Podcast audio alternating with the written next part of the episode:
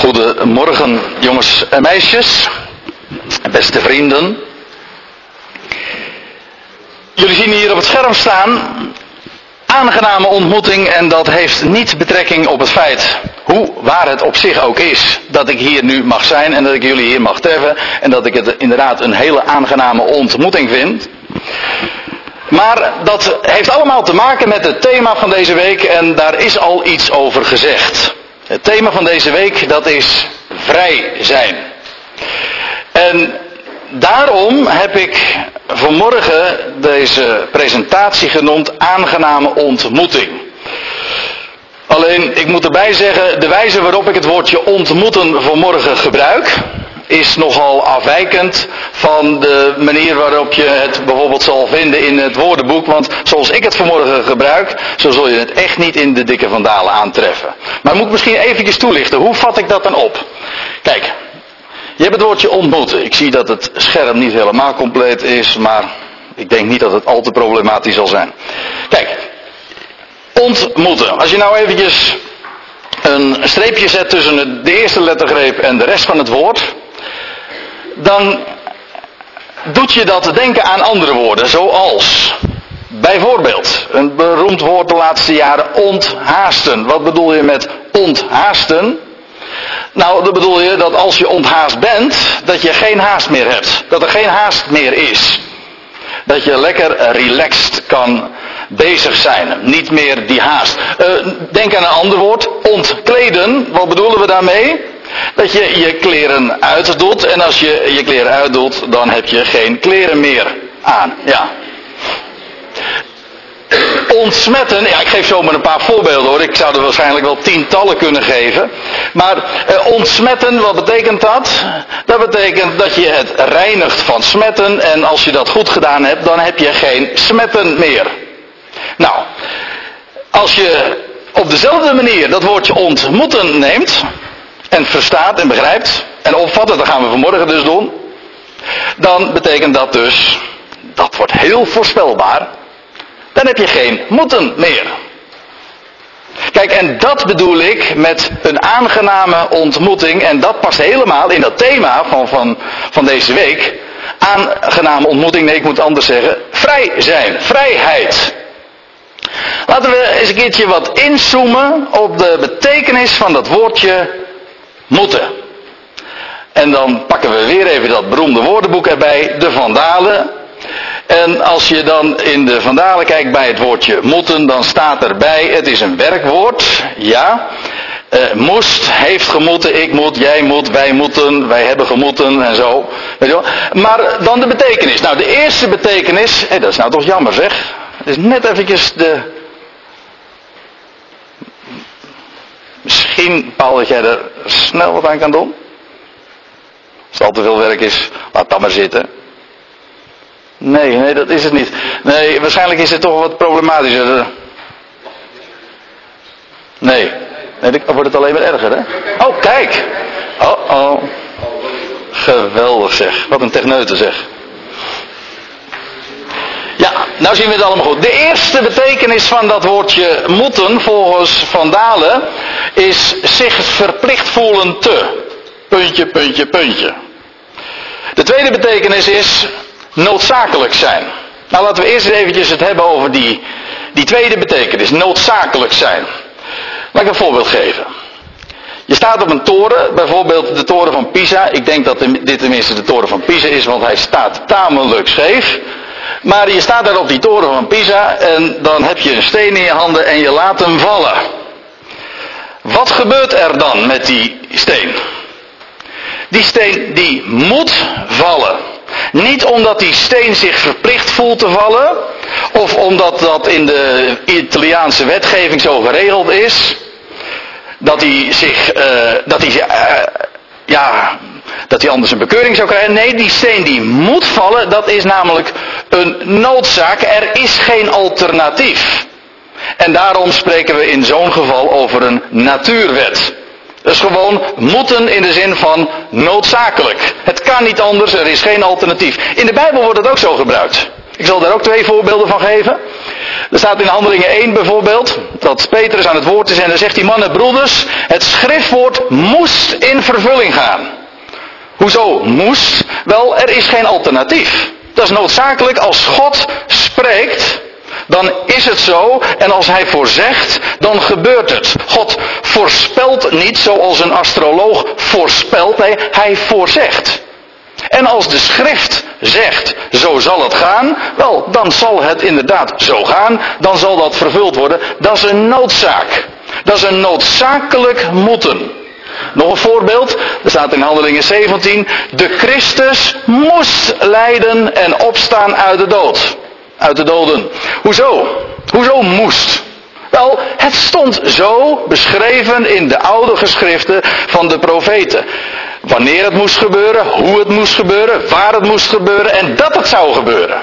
Dat is gewoon, de schrift heeft het, heeft het aangekondigd en dus zal het gebeuren. Daar is geen mis op, er is geen alternatief. Zo gaat dat nu eenmaal met het woord van God. Dat is noodzaak. Dat kan niet anders, er geen alternatief. Goed, gaan we weer even terug naar het woordenboek, want op die eerste betekenis, daar wil ik vooral eh, wat de nadruk leggen vanmorgen. Zich verplicht voelen te. Ik weet niet hoe het bij jullie is, maar, nou ik weet het eigenlijk wel. Wat zit ik nou weer te praten? Ik weet wel hoe het is bij jullie als je dat woordje moeten in die zin opvat. Zich verplicht voelen te. Dat geeft geen plezierige associaties. Als je, als je iets doet omdat het verplicht is. Je vervoelt je verplicht. He? Tot zoveel verplicht, denkt dit meisje. Maar ik heb helemaal geen zin. He, nog een hele rits boeken die ik moet lezen. Nog zoveel boeken die ik moet bestuderen. Nog zoveel huiswerk te doen. Maar je ziet het aan haar gezicht. Ze heeft er niet echt trek aan. Deze man, die denkt ook al bij zichzelf, oh er is zoveel te doen, zoveel verplicht, maar ik heb geen tijd. Of ik heb geen geld, dat zou ook nog kunnen, dat lijkt wel een zakenman. Hij maakt zich zorgen. Ziet u trouwens ook hier, hij kijkt niet vrolijk. Dat was met dit meisje ook al het geval. Eh, ze kijkt niet vrolijk. Dat heb je als je iets doet, omdat je verplicht voelt het te doen. Wat dacht je van deze meneer? Die is, die is er echt heel erg uh, kwalijk aan toe. Die heeft al zoveel moeten doen. die is tot zoveel verplicht, maar de batterij is op of hij is helemaal afgelopen. De, de veer, uh, hoe zeg je dat? De veer, die, uh, de rek is eruit. En hij gaat gebukt onder zijn aktentas. En hij denkt bij zichzelf tot zoveel verplicht, maar ik kan niet meer. En hij staat hier zo gebukt en gebogen. En het duurt niet lang meer, maar hij geeft dan de pijp aan Maarten, zoals we dat dan noemen. Dan, dan, dan lukt het hem echt niet meer. En wat dacht je van dit meisje? Die vind ik eigenlijk wel de mooiste hoor. Want zij is al zo wijs. Ze is, ze is echt nog geen jaar. Of een meisje of een jongen, dat, dat kan ik dan niet, niet zien. Maar die denkt bij zichzelf, oh oh, tot zoveel verplicht in het leven. Maar waar begin ik in vredesnaam aan? Hè? Ja, ook, ook dit eh, kindje kijkt niet vrolijk als het denkt aan zich verplicht voelen tot. En dan is daar dit. Vakantie. En waarom is vakantie nou zo heerlijk? Antwoord. Geen verplichtingen. Niets moet. En voegen we er vaak nog aan toe en alles mag. Niets moet. En weet je wat het gekke is? Je kan het met vakantie heel erg druk hebben. Sterker nog, een heleboel mensen hebben het tijdens de vakantie en in hun vrije tijd drukker. En doen ze meer en zweten ze ook meer dan tijdens hun werk. Je kan bijvoorbeeld gaan bergwandelen. Nou, dat kan. Ik heb er niet echt heel veel uh, ervaring mee. Maar in Nederland heb je niet zoveel bergen. Dus. Maar als je dan gaat bergwandelen en dan, uh, dan kun je hele grote trajecten uitkiezen. En aan het einde van de dag dan hangt de tong op je hielen. En dan denk je bij jezelf, jongen, jongen. Wat heerlijk, maar je hebt gezweten en je bent vermoeid. Of uh, je, kan het nog, uh, je kan het nog intensiever doen. Je kan bergen beklimmen, moet je erg mee uitkijken, zoals we weten. Maar uh, wat dacht je van dit? Als je wat, als je wat geld hebt, dan kun je bijvoorbeeld gaan, gaan duiken, diepzee duiken. Allemaal heel intensief, dat kost heel veel moeite. Maar je doet dat, je vindt dat leuk. Dat is prachtig om te doen. Dat is inderdaad heel erg leuk. Ik heb het één keer mogen doen en ik hoop dat zich ooit nog eens een keertje de gelegenheid voordoet dat ik het nog een keertje mag doen. Heerlijk, geweldig duiken. Of uh, skiën in de winter. En dat is ook zeer intensief. Hè? En dan heb je de hele dag geskiet en naderhand dan, uh, dan ben je heel erg moe. Dan krijg je de après-ski. Ja, goed. En dan uh, ja, je kunt ook nog uh, je tijd anders invullen. Dat is ook heel intensief. Dan kun je een survival weekend of een survival tocht gaan doen. Ook heel intensief. En toch, je zou je de vraag kunnen stellen, als je je zo, uh, zo intensief vermaakt. En als je zulke dingen doet en die soms ook zo vermoeiend zijn, is dat dan nog een vakantie? Ja, wis en waarachtig, dat is wel degelijk een vakantie. Waarom? Wel, het antwoord is, je doet het gewoon omdat je het heerlijk vindt. Het moet niet. Je doet van alles, maar het moet niet. Kijk, en dat is nou precies wat vrijheid is, wat vakantie is. Kijk, er zijn je zou kunnen zeggen drie motivators. Laten we het eventjes een beetje geleerd doen vanmorgen. Je hebt drie motivators. Dat wil zeggen drie factoren die je kunnen aanzetten tot iets. Hè, om iets te doen. Hè, die je iets, drie factoren die je iets laten doen of die je iets doen laten. Dat kan allebei. Iets die je er ergens toe bewegen. De eerste, de eerste motivator is een, de motivatie van Noodzaak. Je bent gedwongen tot. We hadden het er al eventjes over. Nou, zo'n verkeersdrempel vind ik daar wel een leuk voorbeeld van. De bedoeling van zo'n verkeersdrempel is dat jij zachter gaat rijden. Wel, zo'n zo'n verkeersdrempel zorgt er domweg ook voor dat je zachter gaat rijden. Want als je met een knorharde vaart naar het aankomt rijden, dan kan ik je de verzekering geven dat je vanzelf zachter gaat rijden. Dat is noodzaak. Je kunt niet anders. Dat is, dat is de eerste motivator. In het verkeer is dat trouwens een hele handige, denk ik wel eens een keertje. Want dan gehoorzaamt tussen aanhalingstekens iedereen. Dat is leuk. Of ze het nou leuk vinden of niet. Dan heb je nog een tweede motivator. Die is niet zo leuk. Want dan ben je verplicht. U ziet hier die verkeerscamera. Die feilloos registreert hoe hard je rijdt bijvoorbeeld. Of, of dat je door het rode licht gaat. En dat is de motivator van je mag niet anders. En dan heb je nog een derde motivator. En dat is een totaal andere. dat is deze. Je doet dingen gewoon omdat het iets is dat je, je wil niet anders. Je doet het van harte. Het komt van binnenuit. Kijk, van factor 1 en 2, van die twee eerste motivators, dat, zijn, dat noemen ze, nog een uh, mooi woord, een externe motivator. Dat wil zeggen, het is, je bent gedwongen tot of je bent verplicht tot. Dat zijn motivator, motivators van buiten. Maar deze motivator is een totaal ander. Het komt van binnenuit. Je doet het graag en dus je bent niet te houden. Het is heerlijk. Kijk, iemand die dingen doet, gewoon omdat hij het van harte is, omdat je het graag doet, omdat je er liefde voor hebt, hè, I love to, dat kost geen energie. Sterker nog, dat geeft energie. Dat is de allermooiste motivator.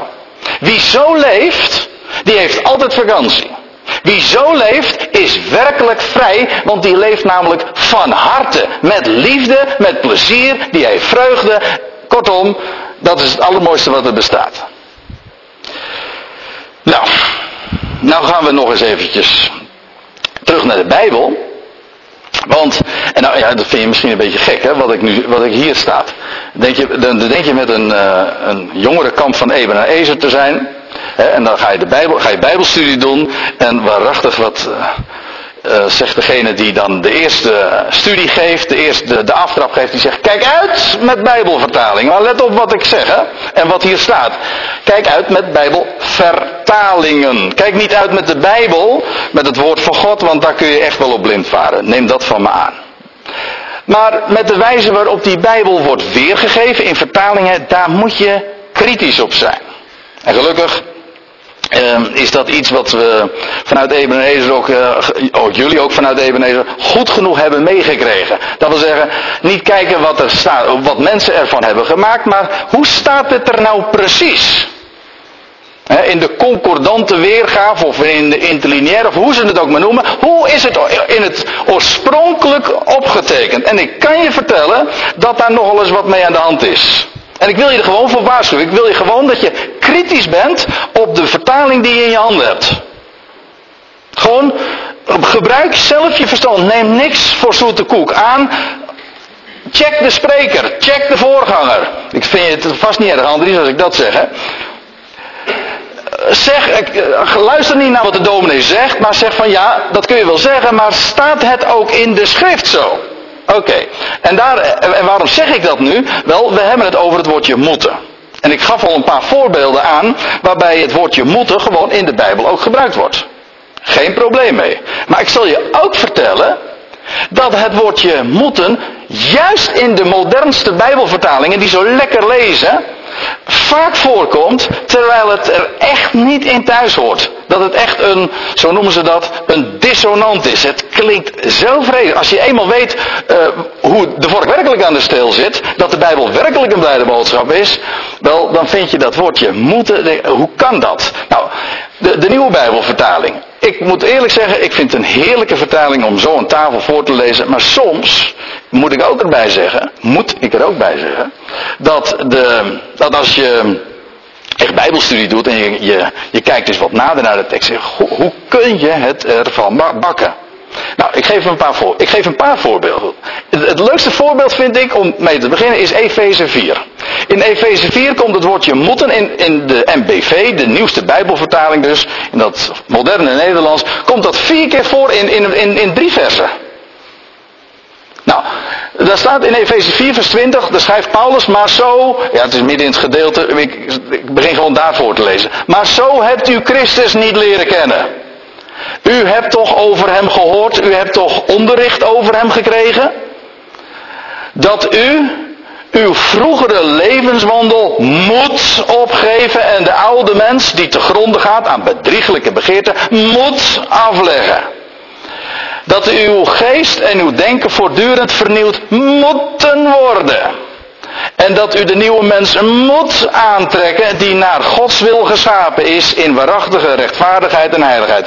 Een prachtig gedeelte, daar niet van, maar ik moet zeggen, als ik dat woordje moeten hoor, dan denk ik, ah, dat klinkt niet, dat past hier totaal niet. Waarom niet?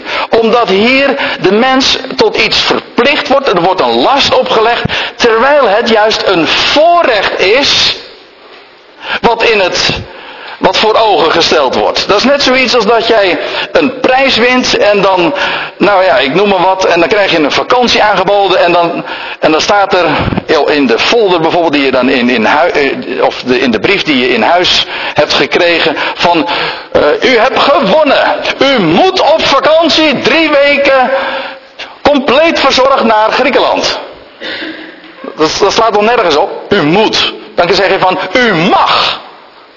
Dat woordje moeten is dan gewoon een valse toon. En hier staat er iedere keer dat woordje moeten in de vertaling, maar kan je dit verzekeren, al ga je het na hoe het er echt staat, dan ontbreekt dat woord. Het is inderdaad de bedoeling, maar het is geen moeten. Voorbeeld 2. Romeinen 12, dat is een bekende.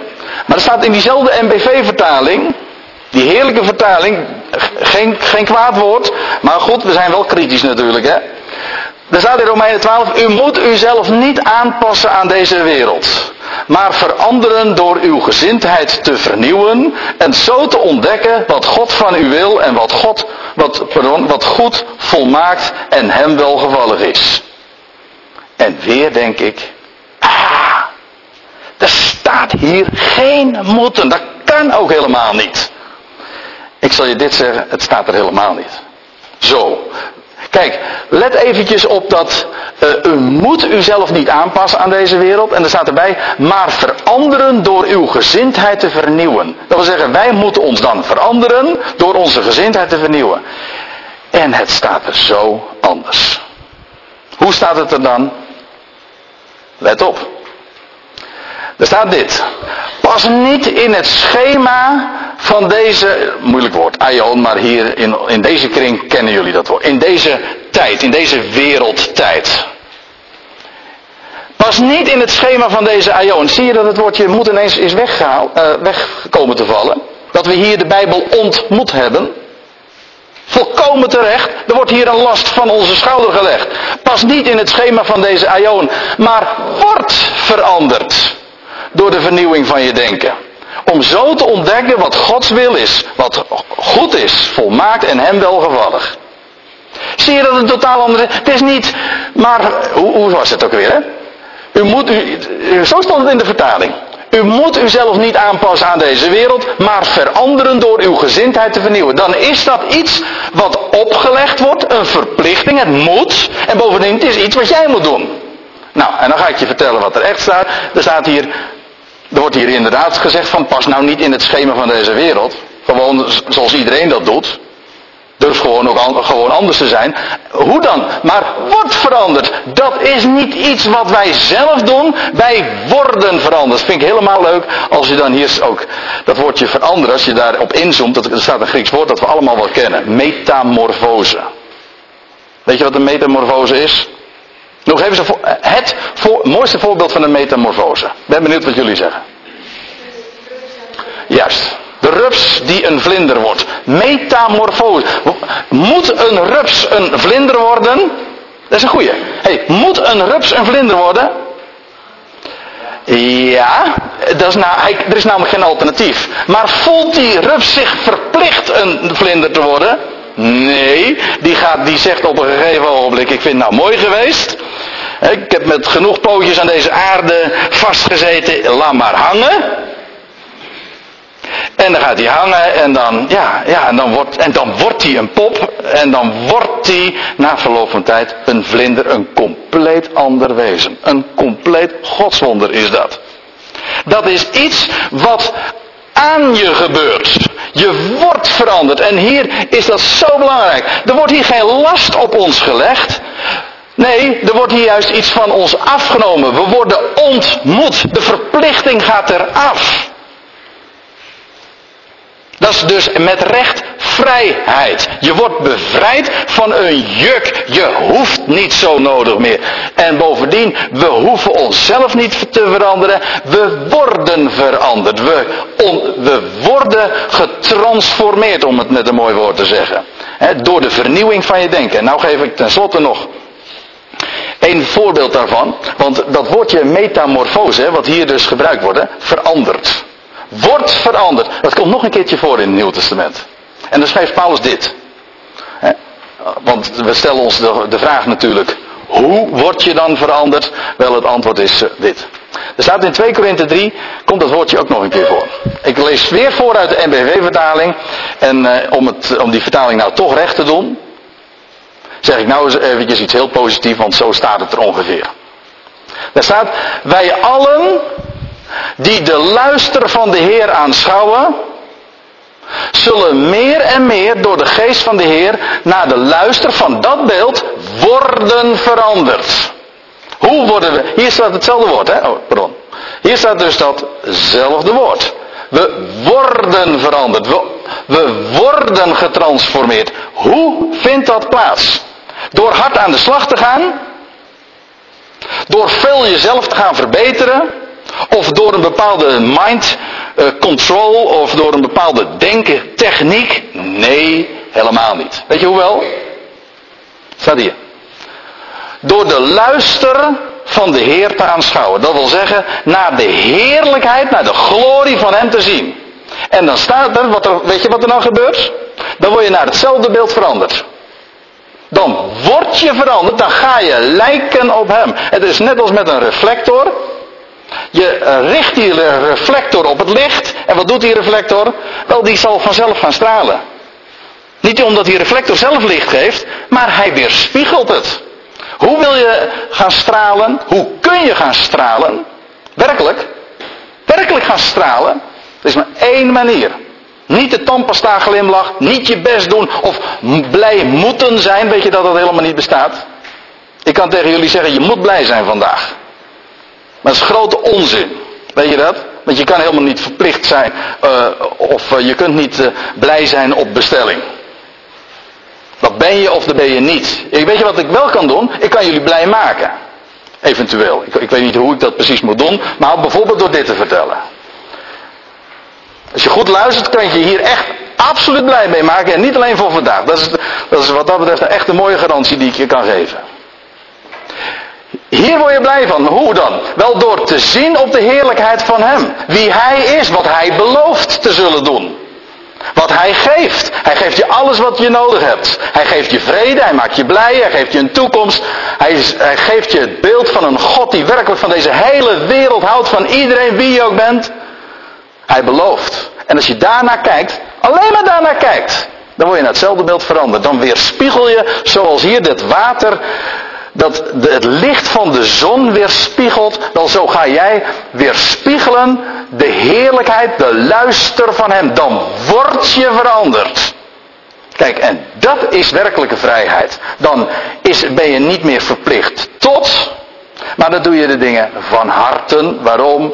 Wel, je ziet zijn heerlijkheid. Kijk, en dat is wat ik noem een aangename ontmoeting. En dat wilde ik jullie graag zeggen. Ik stel voor dat we met elkaar nog een lied zingen. Ik, heb dit niet helemaal afgesproken. Ik heb dit helemaal niet afgesproken. Hoe we dit zouden gaan doen. Prima. Ja, akkoord. En dat lied staat ook op de beamer. Oké, dan